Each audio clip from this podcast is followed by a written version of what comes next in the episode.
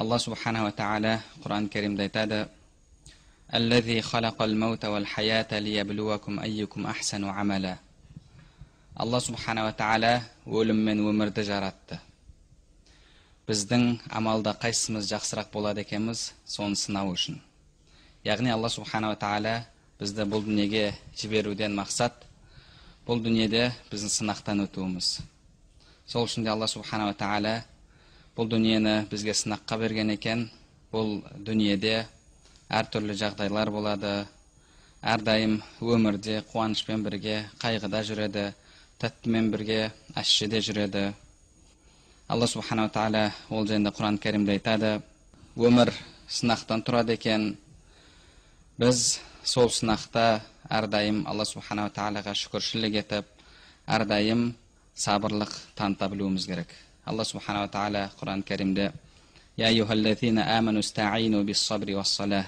ей иман келтіргендер намазбен сабырлықпен алла субханала тағаладан жәрдем сұраңдар дейді яғни әрбір мұсылман адам басына бір қиын күн түскен кезде ол алла субханала тағаладан жәрдемді сабырлықпен сондай ақ алла субханала тағалаға құлшылық етумен алла субханала тағалаға итаат етумен сұрауы керек көптеген адамдар осындай бір қиын жағдайлар түскен кезде алла субханала тағала көрсеткендей жолмен сабыр етпей керісінше олар алла субханала тағала рұқсат етпеген алла субханала тағаланың дініне қайшы болған істер істеп бір нәрсе болып қалса жүгіріп тәуіпке барады жүгіріп көріпкелге барады жүгіріп бақсыға барады сол сияқты алла субханала тағала разы болмайтын істерді істеп сол арқылы бір тығырыққа тірелген кезде сондай қайғы қасіреттен шығуға жол іздейді. Әлбетте бұл алла субханала тағала разы болатын пайғамбарымыз саллаллаху алейхи уассалам көрсеткен жол емес. Кесене салу мәселесі яғни қабірдің үстіне бір нәрсе тұрғызу мәселесіне келетін болсақ шариғатымызда негізінде ол қабірдің басына бір нәрсе тұрғызу кесене тұрғызу бұл шариғатқа қайшы нәрсе. Себебі пайғамбарымыз саллаллаху алейхи өзінің тағы бір хадисінде алла субханала тағала яхуди насраниларды ләнат етсін олар өздерінің пайғамбарларының қабірін мешіт етіп алды дейді енді ол жерде кесене тұрғызылса ертең адамдар ол жерге барып бір құлшылықтардың бір түрлерін істеп жатады. Яғни мешіттің атқаратын қызметінің кейбір түрлерін сол қабірлерге кесенелерге барып істеп жатады. Бұл да ол жерлерде мешітке айналдыру. Сол үшін де ол біреуді құрмет ету оның басына ескерткіш тұрғызумен оның басына кесене тұрғызумен болмайды. Себебі басында өзі нұх алейхисаламның кезінде шіріктің көрініс табуы да осы ескерткіш тұрғызумен болған еді. Егер сіз өзіңіз ата бабаңызды құрметтесеңіз оларға күнде алла соларды өзің мағфират қыла көр күнәларың кешіре көр олар жәннат ете көр деп олар үшін алла субхан тағаладан дұға сұрап тұрыңыз. Олардың атынан садақа беріп тұрыңыз шамаңыз келсе артынан барып солардың атынан қажылық жасаңыз. Міне бұл шариғат көрсеткен жолмен құрметтеу. Және иншалла алла субханала тағала сауабын жеткізеді. Ал енді керісінше оның басына кесене тұрғызу ескерткіш тұрғызу тағы да сол сияқты басқа нәрсе шариғат көрсетпеген нәрселерді істеу ол құрметтеу болып есептелмейді. Өкінішке орай көптеген адамдар қабір басына барып сол жерлерде құрбандық шалып жатады. Бұл мәселеге келген кезде бұл мәселе екі түрлі суретте болады.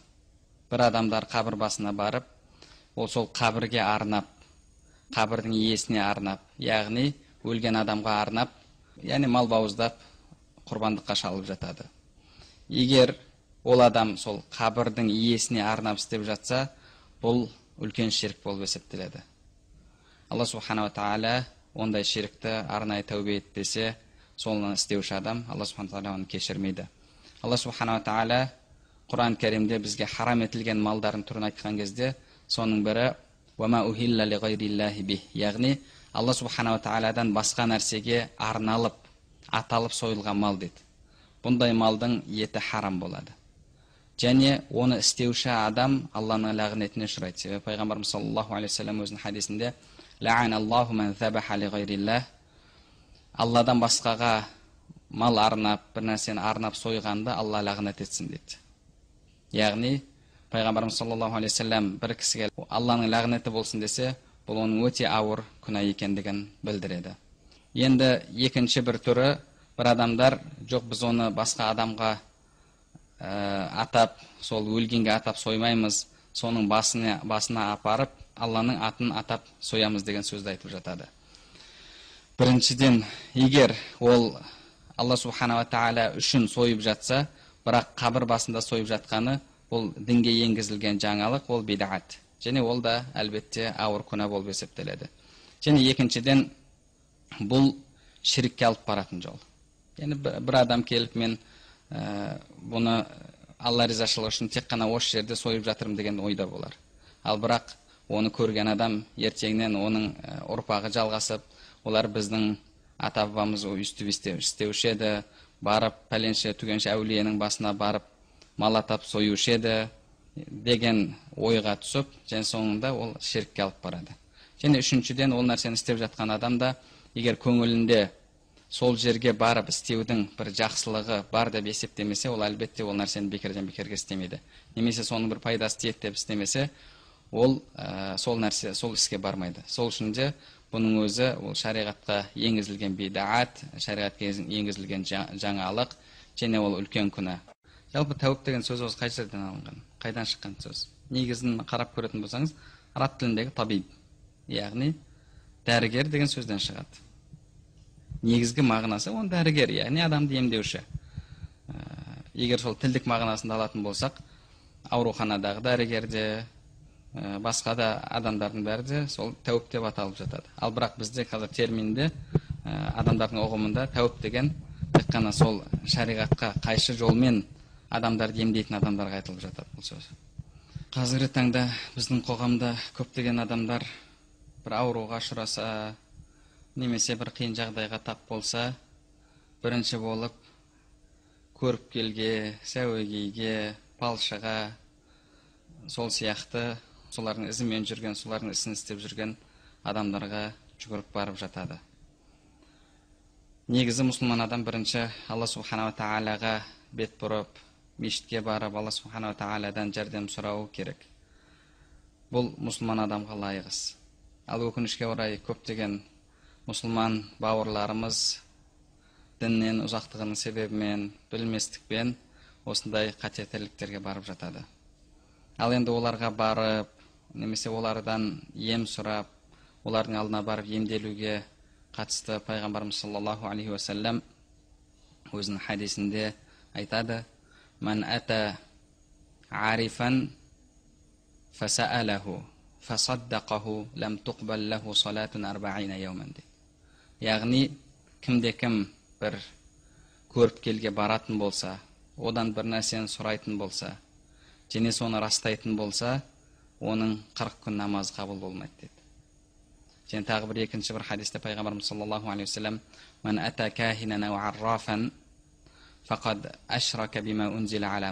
немесе кімде кім палшыға немесе көріпкелге баратын болса ол адам пайғамбарымызға түскен нәрсеге күфірлік келтіріпті дейді мұхаммедке түскен нәрсе күфірлік етіпті яғни ол адам құранға күфірлік етіпті дейді сол үшін де оларға барып олардан солар арқылы ем іздеу бұл шариғатымызда қатаң тыйым салынған іс. Неге? Себебі олардың өздері алла субханала тағаланың қарғысына ұшыраған алла субханала тағаланың разы болмайтын жолында жүрген адамдар. Ол адамдарға барып олар арқылы ем іздеу солар арқылы шипа табуға әрекет жасау бұл әлбетте бұл да ширк болып есептеледі алла субханала тағала көрсеткен таразы бар ол алла субханала тағаланың кітабы құран пайғамбарымыз саллаллаху алейhi сүннеті және сол екі құранға хадиске екі нәрсеге негізделген ғұламалардың бізге берген фәтуалары сол мужтахид ғұламалардың ал оны барып ем тапсақ болды сол дұрыс екен деген сөз ол әлбетте қате керек болса басқа дін өкілдерін де көріп жатамыз. Оларда бір жын ұрған адамды жын тиген адамдардың ішінен жындарын шығарып жатады. Егер өзге дін өкілдерінің кітабын қарап көретін болсақ олардың ішінде де ішінде мынандай сөз келеді. Қияметте артын исаның артынан ергендер исаға келіп айтады дейді. Иса ә, менен аулақ болыңдар маған жақындамаңдар мен сендерді білмеймін деген кезде олар келіп ә, олардың кітабында келген сөзі не во твое ли имя мы бесов изгоняли дейді яғни сенің атыңмен біз жындарды шығармап па едік дейді яғни олар да исаның атын айтып жындар шығарып жатады. Олардың алдына келіп те адамдар айығып жатады. Бұл олардың ақиқатта дұрыс жолда екендігін әлбетте көрсетпейді. Алла субханала тағала бір сынақ ретінде сол сол адамға барған кезде алла субхана тағала шипа беруі мүмкін. Бірақ бұл әлбетте сынақ. Біз бір нәрсенің дұрыс дұрыс емес екенін білу үшін оның нәтижесін емес біз құранға хадиске ғұламалардың яғни дінімізге қайтуымыз керек. Дініміз бар десе егер оған баруға болады десе болады болмайды десе әлбетте болмайды. Яғни адамдарда негізінде ақиқатты білу үшін олардың таразысы оның нәтижесіне қарау болып қалған. Оның пайдасы болып жатыр ғой. Зияны болып жатыр ғой деген сияқты сөз айтылады. Негізінде бұл қате түсінік. Себебі біз ақиқатты білетін бізде ол тек қана біздің дініміз ғана. Дініміз дұрыс десе дұрыс дұрыс емес десе ол дұрыс емес.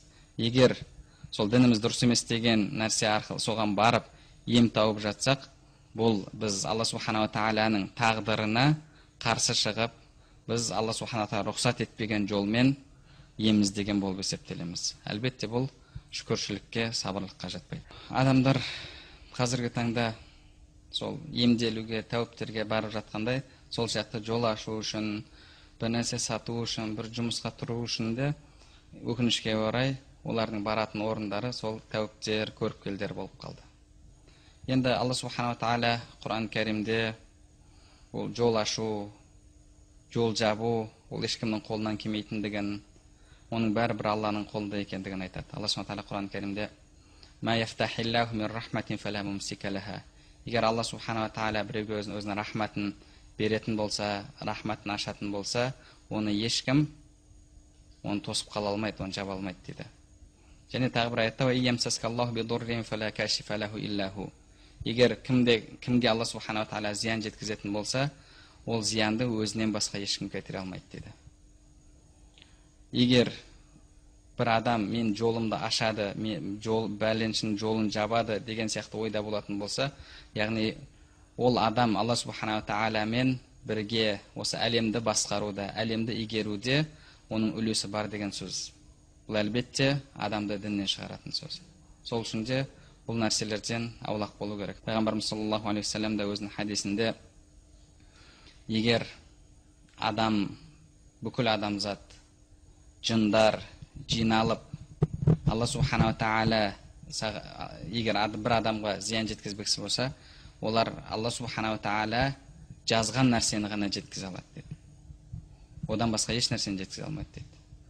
Бүкіл адамзат жыны бар басқасы бар жиналып бір адамға бір пайда келтірмекші болса алла субханала тағала оның тағдырына жазып қойған нәрсені ғана келтіре алады деді. Одан басқа олар еш нәрсені келтіре алмайды деді. Енді кейбір адамдар жоқ олардың әсері бар деген сияқты қате ойда болып жатады. Бір адам соларға барады кейін бір жұмысқа орналасып жатады. Жұмысқа орналасу оның, тағдырында бар. Алла субханала тағала оны жазып қойыпты. Бірақ соның осы палшыға немесе сол жолын ашып беруші алшып беремін дейтін тәуіпке баруымен яғни екеуі бір уақыты сәйкес келіп жатса адамдар соны міне соның әсерімен болды деген сияқты. Қате ойға түсіп жатады бұл да алла субханала тағаладан сынақ және бұл жерде ол тек қана бір сондай кездейсоқ немесе бір тек қана сол уақыттың тура келуі ғана. Яғни негізінде он, оның ешқандай оның әсері жоқ. Адамдар солардан пайда немесе зиян көрдік деп жатады. Алла субханала тағала қалады болды. Ал оның оған ешқандай әсері жоқ.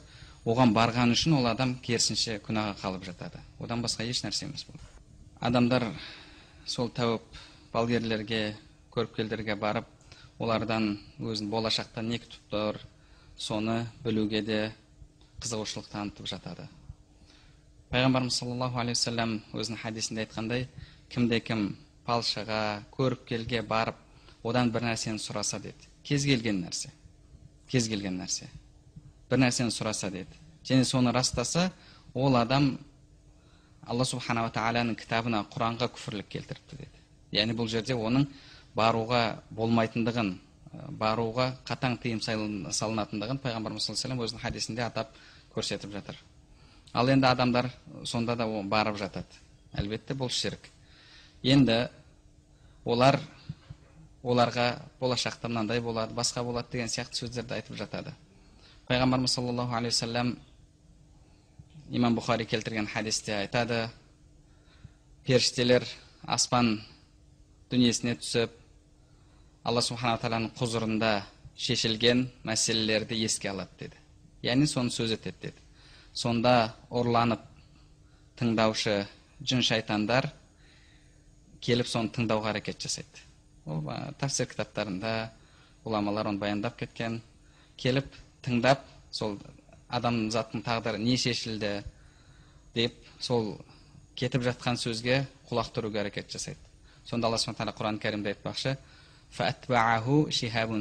яғни сондай бір жұлдыздармен олар атқыланады деді жұлдыздармен атқыланады сонда олар бір нәрсені естіп үлгереді кейде үлгермейді сөйтіп келіп өздерінің адамдардан болған яғни әлгі көріпкел балгер деп жатқандарға келіп құлағына сол нәрсені сыбырлайды сыбырлағанда да келіп бір нәрсені естіп оған келіп жүз нәрсені қосып сыбырлап айтып жатады сол үшін де кейде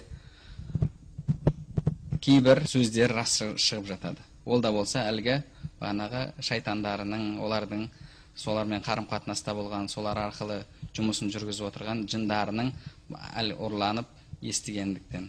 Ал бірақ олар сол бір нәрсеге жүз нәрсені жүз өтірікті қосып айтады.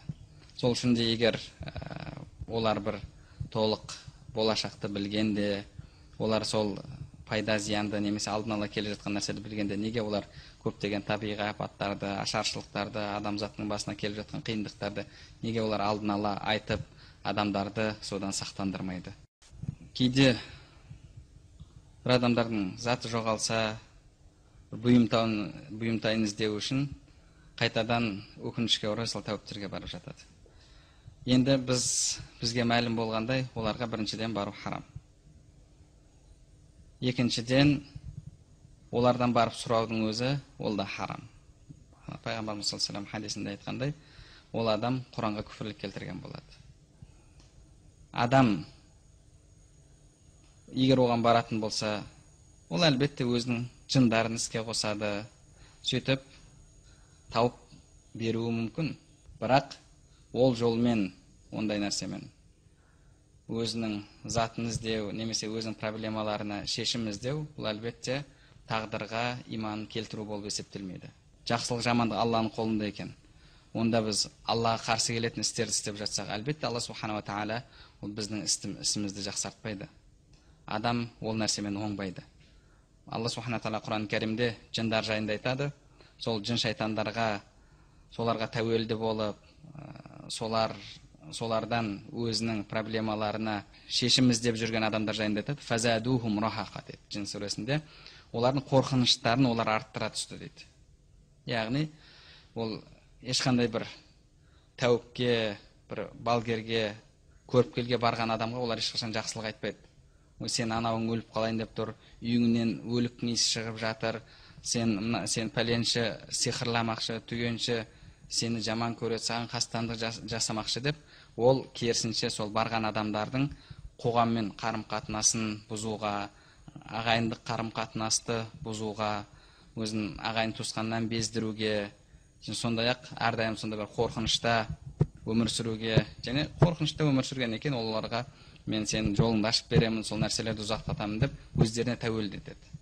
Яғни ол адам оны барған сайын оны қорқыта береді барған сайын оған әртүрлі сөздерді айта береді соңында ол түгелдей соларға тәуелді болып қалады және өмірі оның соңында тозаққа айналады. Қазіргі таңда әйтеуір саны жоқ. Санына жете алмайтын болдық. Әулие емшілер дейді тәуіптер дейді. Олардың баратын болсаңыз әрқайсысының емдеуі де әртүрлі біреулері өзі басшы болып ә, жалауын көтеріп алып әртүрлі кесенелерге адамдар жерленген жерлерге барып ол жерде кім жатыр ол қандай адам алланың алдындағы ол адамның жағдайы қандай оның бәрі бір аллаға мәлім әлбетте. Себебі ешкім біреудің жәннаты тозақ екенін білмейді. Тек қана пайғамбарымыз саллаллаху өзі хабар берген өзі тірі кезінде сүйіншілеп кеткен адамдар біз олар жәннат дейміз. Одан басқасын бір алланың өзі біледі. Ал енді сол адамдарға бір әулиелік дәреже беріп яғни әулиелік дәреже беру деген олар жәннаты деген сөз.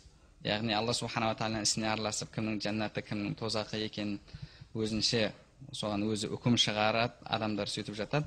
Және соларға апарып соларды аралатып жатады. Біріншіден әлгі тәуіп бақсыларымыз да өздері жындарға тәуелді және олар сол жындары көрсеткен жолмен жүреді. Әлбетте олар ә, мұсылман жындар емес олар керісінше оларды тағы да аллаға серік қосуға адастыруға итермелейді. Олар солар біріншіден соларға тәуелді болғандықтан да солардың айтқаны бойынша өзінің артынан ерген дертте ертең тозақта бірге жану үшін тозақта бірге болу үшін өзінің артынан адамдар ертеді иблис алейхи ланатуллах алла субханала тағаланың алдында яғни мен тозақты адамдар мен жындарға толтырамын деген еді міне олар жындар болса солардың әскерлері солардың артын адамдарды сол адамдардың санымен тозақты толтыруға әрекет жасайды ал тозаққа түсуге ең бірінші себеп болатын тозақты мәңгі қалуға себеп болатын нәрсе ол әлбетте аллаға серік қосу.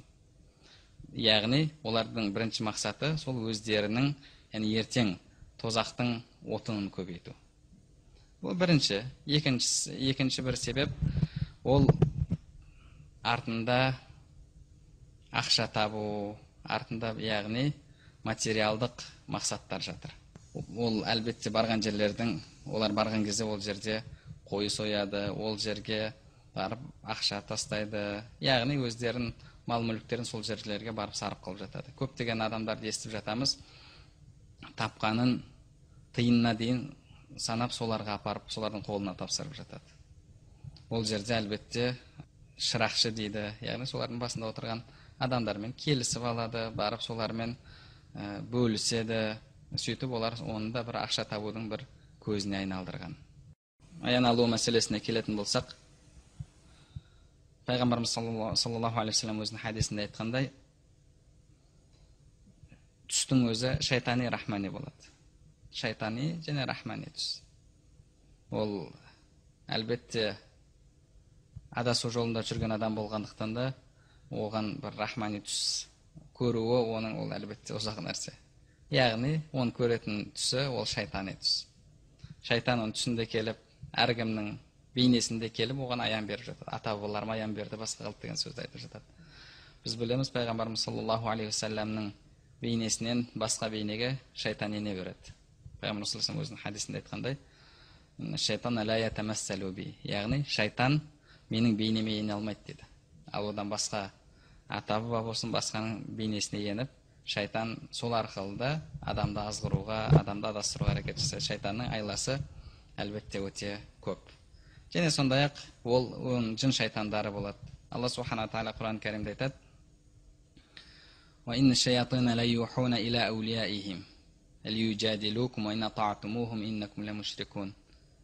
Шын мәнінде шайтандар өздерінің достарына сыбырлайды дейді.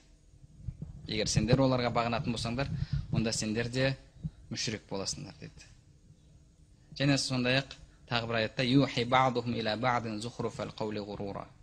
олар бір біріне сондай әдемі сөздерді сыбырлайды дейді сыбырлап келіп олар соны аян деп жатады тағы басқа деп жатады. Ал негізінде алла субхана тағала құран кәрімде айтқандай ол сол бағанағы олардың тәуелді болған жындарының сыбырлауы. Ол ешқандай ол аян болуы мүмкін емес. Кейбір тәуіптер өздерінің істерінің қате екенін ол аллаға серік қосу екенін түсініп одан бас тартуға өздерінің құлшыныстарын білдіріп жатады. Бірақ солардың өздері де біз бұл жолды тастай алмаймыз тастасақ әртүрлі зиянға ұшыраймыз деген сөзді сондай уәжді алға тартып жатады. Әлбетте ол бұл дүниенің өзінде де сіз қандай да бір сектаға кірсеңіз бір мафияға қосылсаңыз ертең ол қатардан шықпақшы болып жатсаңыз олар сізді тірі қалдырмайды. Сізді тірі қалдырмайды. Неге себебі сіз, сіз сол ортаға кірдіңіз олардың сырларынан хабардар болдыңыз. Енді ондай ортаны ондай қоғамды немесе ондай сектаны тастап кету оңай емес.